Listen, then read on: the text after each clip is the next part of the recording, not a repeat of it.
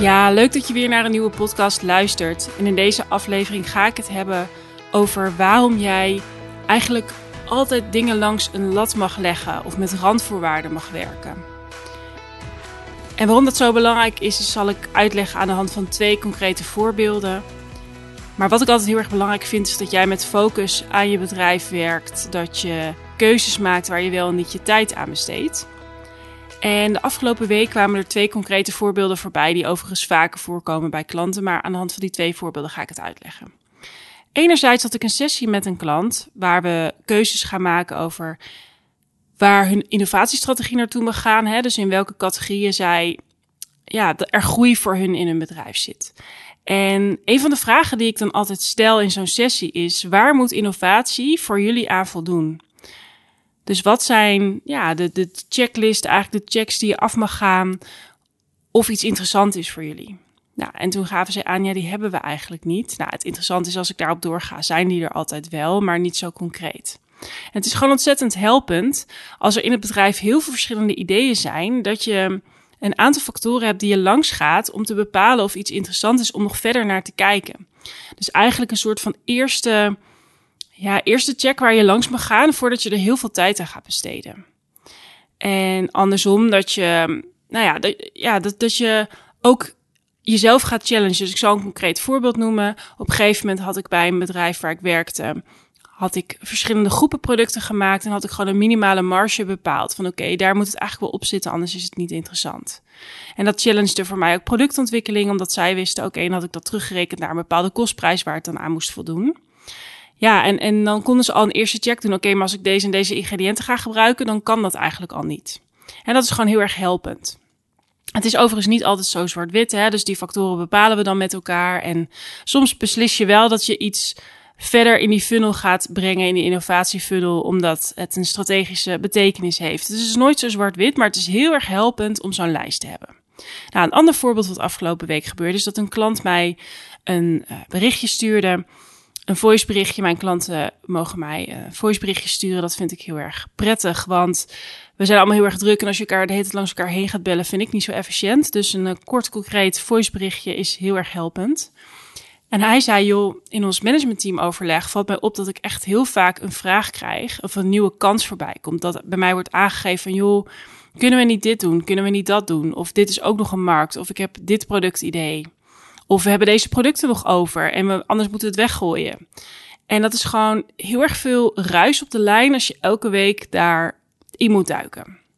Dus ook daar ga ik nu bij mijn klant kijken van joh, uh, wat kunnen we doen? Dus ja, dit zijn eigenlijk twee voorbeelden waarom ik deze podcast opneem. Omdat ik het heel erg belangrijk vind dat je het voor jezelf veel makkelijker gaat maken.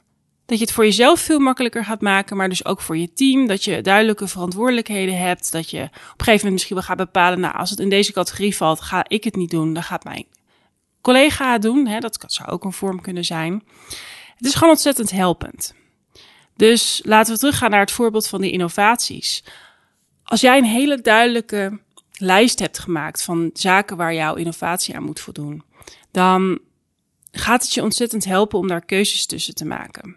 En het gaat mij helpen als ik met jou mee ga denken van wat is interessant voor jullie om daar rekening mee te houden. Want anders kom ik met een innovatie en dan zeggen jullie later ja, maar nee, dat kan niet, want dit, dit en dit. Ja, dat is gewoon niet helpend. Hè? Dus als jij bijvoorbeeld producent bent en je maakt een eindproduct en je bent met bepaalde zaken bezig met jouw klanten en die vinden het bijvoorbeeld heel erg belangrijk dat het zoutgehalte onder uh, een bepaald percentage zit of dat je bijdraagt aan een hoger eiwitgehalte in producten, dan is het gewoon ontzettend helpend als je daar een lijstje van maakt. Dus ja, ik vind het ook gewoon het, eigenlijk heel erg professioneel als je werkt met een goede briefing naar productontwikkeling.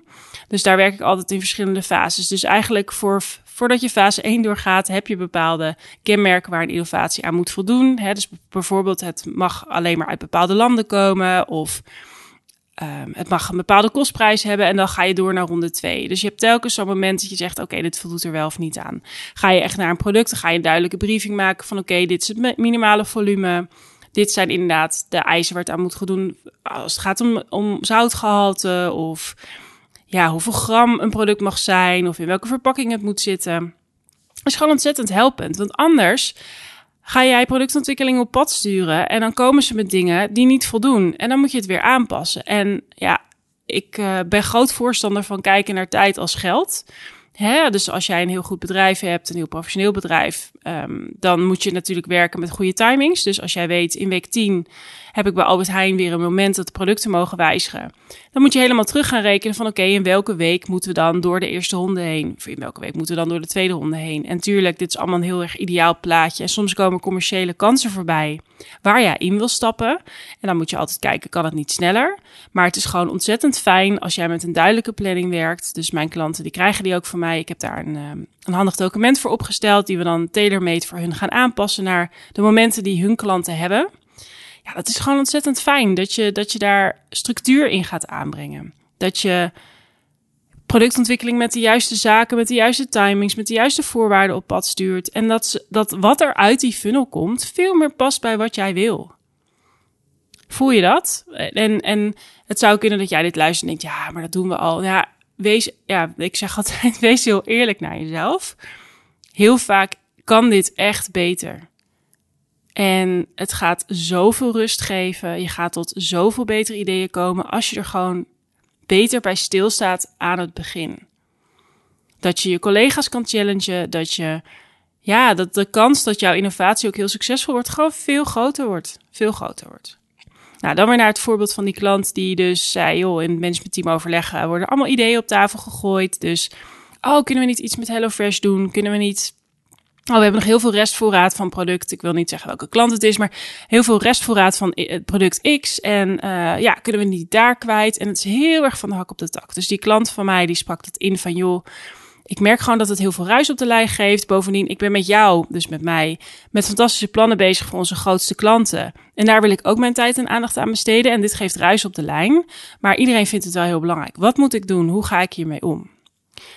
En mijn antwoord op die vraag was: Laten we eerst een stapje hoger gaan. Vind jij dat die ideeën die worden aangedragen ook echt van belang zijn voor het bedrijf? Want zijn concrete vraag was: wat mag ik hiermee? Hè? Moet ik al deze dingen oppakken of niet? En ik ga dan altijd een stapje hoger van joh, zijn dit allemaal zaken die belangrijk zijn voor het bedrijf?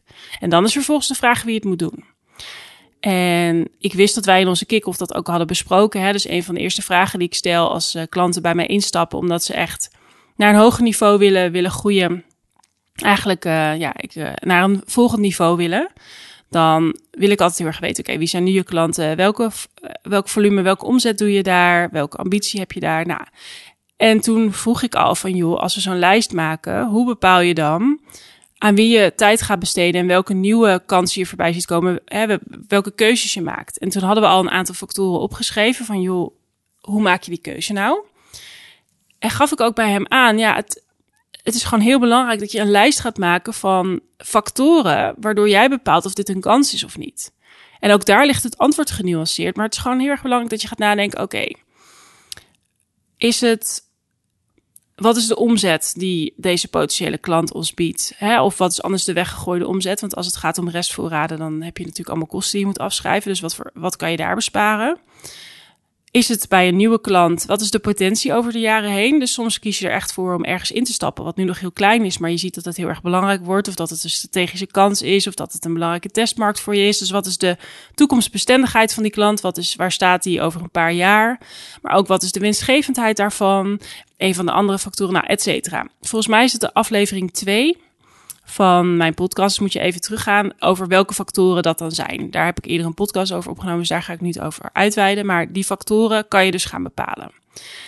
En dan is vervolgens de vraag: wie moet dat doen? Kan jij dat zelf allemaal doen? Ja, je hebt inmiddels, uh, als je dit luistert, veel van mijn klanten hebben een team. Van, eh, moet je dat op een gegeven moment niet bij iemand neerleggen?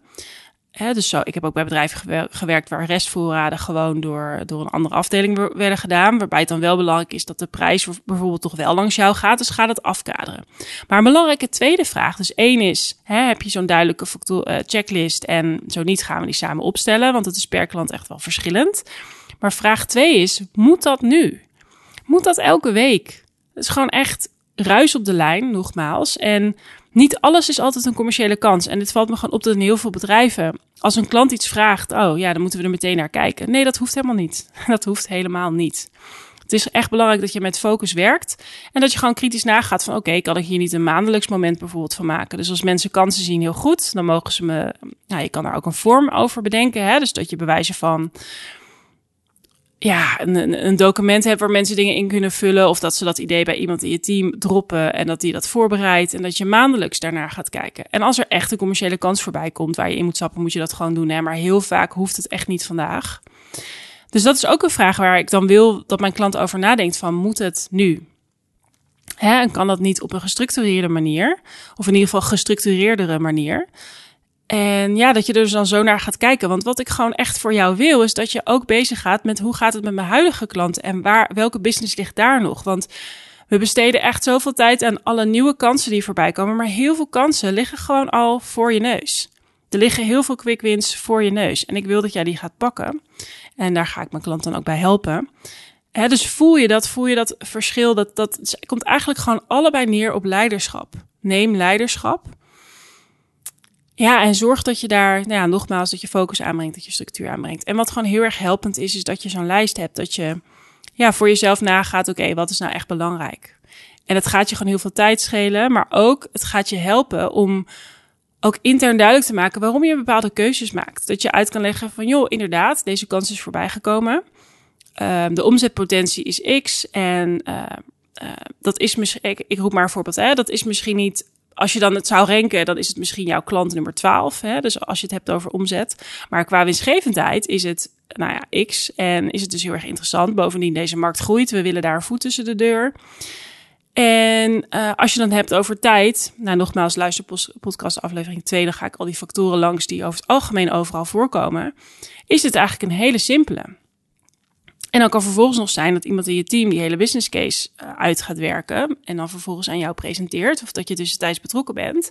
Maar op die manier ja, ga jij echt gewoon veel meer rust creëren. Dus het is gewoon echt belangrijk dat je zo'n lijst hebt voor jezelf. En, en ja, dat, dat je die dan met mij bespreekt als je klant bent bij mij. Zodat we gewoon samen kunnen kijken van oké, kijk je naar de juiste dingen. En ben je met de juiste dingen bezig. Dus ja, checklist. Ik ben er echt uh, heel erg fan van. Toevallig had ik gisteren een diner met andere ondernemers. En een van de ondernemers zei: Oh ja, jij bent echt van de Excelletjes. Ja, klopt. En mijn vriend maakt er ook regelmatig grappen over. Ik vind het gewoon echt prettig om een lijstje te hebben. En het is gewoon ontzettend helpend. En als het voor jou geen Excel is, maar een andere vorm, ook helemaal prima. Maar het helpt ook gewoon heel erg om jouw team mee te krijgen. Om je collega's mee te krijgen waarom je bepaalde keuzes maakt. En dan kan het ook gewoon zo zijn dat als we het dan weer hebben over klanten. En er zit gewoon, eigenlijk denk je bij alles, ja, er zit inderdaad heel veel potentie. Alleen ik kan dat niet met mijn team nu. Er is gewoon niet genoeg capaciteit. Ja, dan gaan we een case maken dat je eigenlijk iemand aan moet nemen. Hè, dus, dus het kan gewoon ook ontzettend helpend zijn daarvoor. Want ik heb ook best wel wat klanten die zeggen: joh, ik merk gewoon als ik er een collega bij zou hebben in mijn team, zouden we onwijze stappen kunnen maken. Maar ja, ook daar, weet je, je moet dat intern gaan verkopen. Van wat gaat dat opleveren? Of, dat is nog ook een goede vraag om jezelf te stellen, wat kost het als je het niet doet? Want we zijn heel vaak bezig met wat levert het op? Als, dus wat is de additionele omzet of de additionele marge, et cetera. Maar heel vaak moeten we ook gaan kijken, wat kost het als je het niet doet?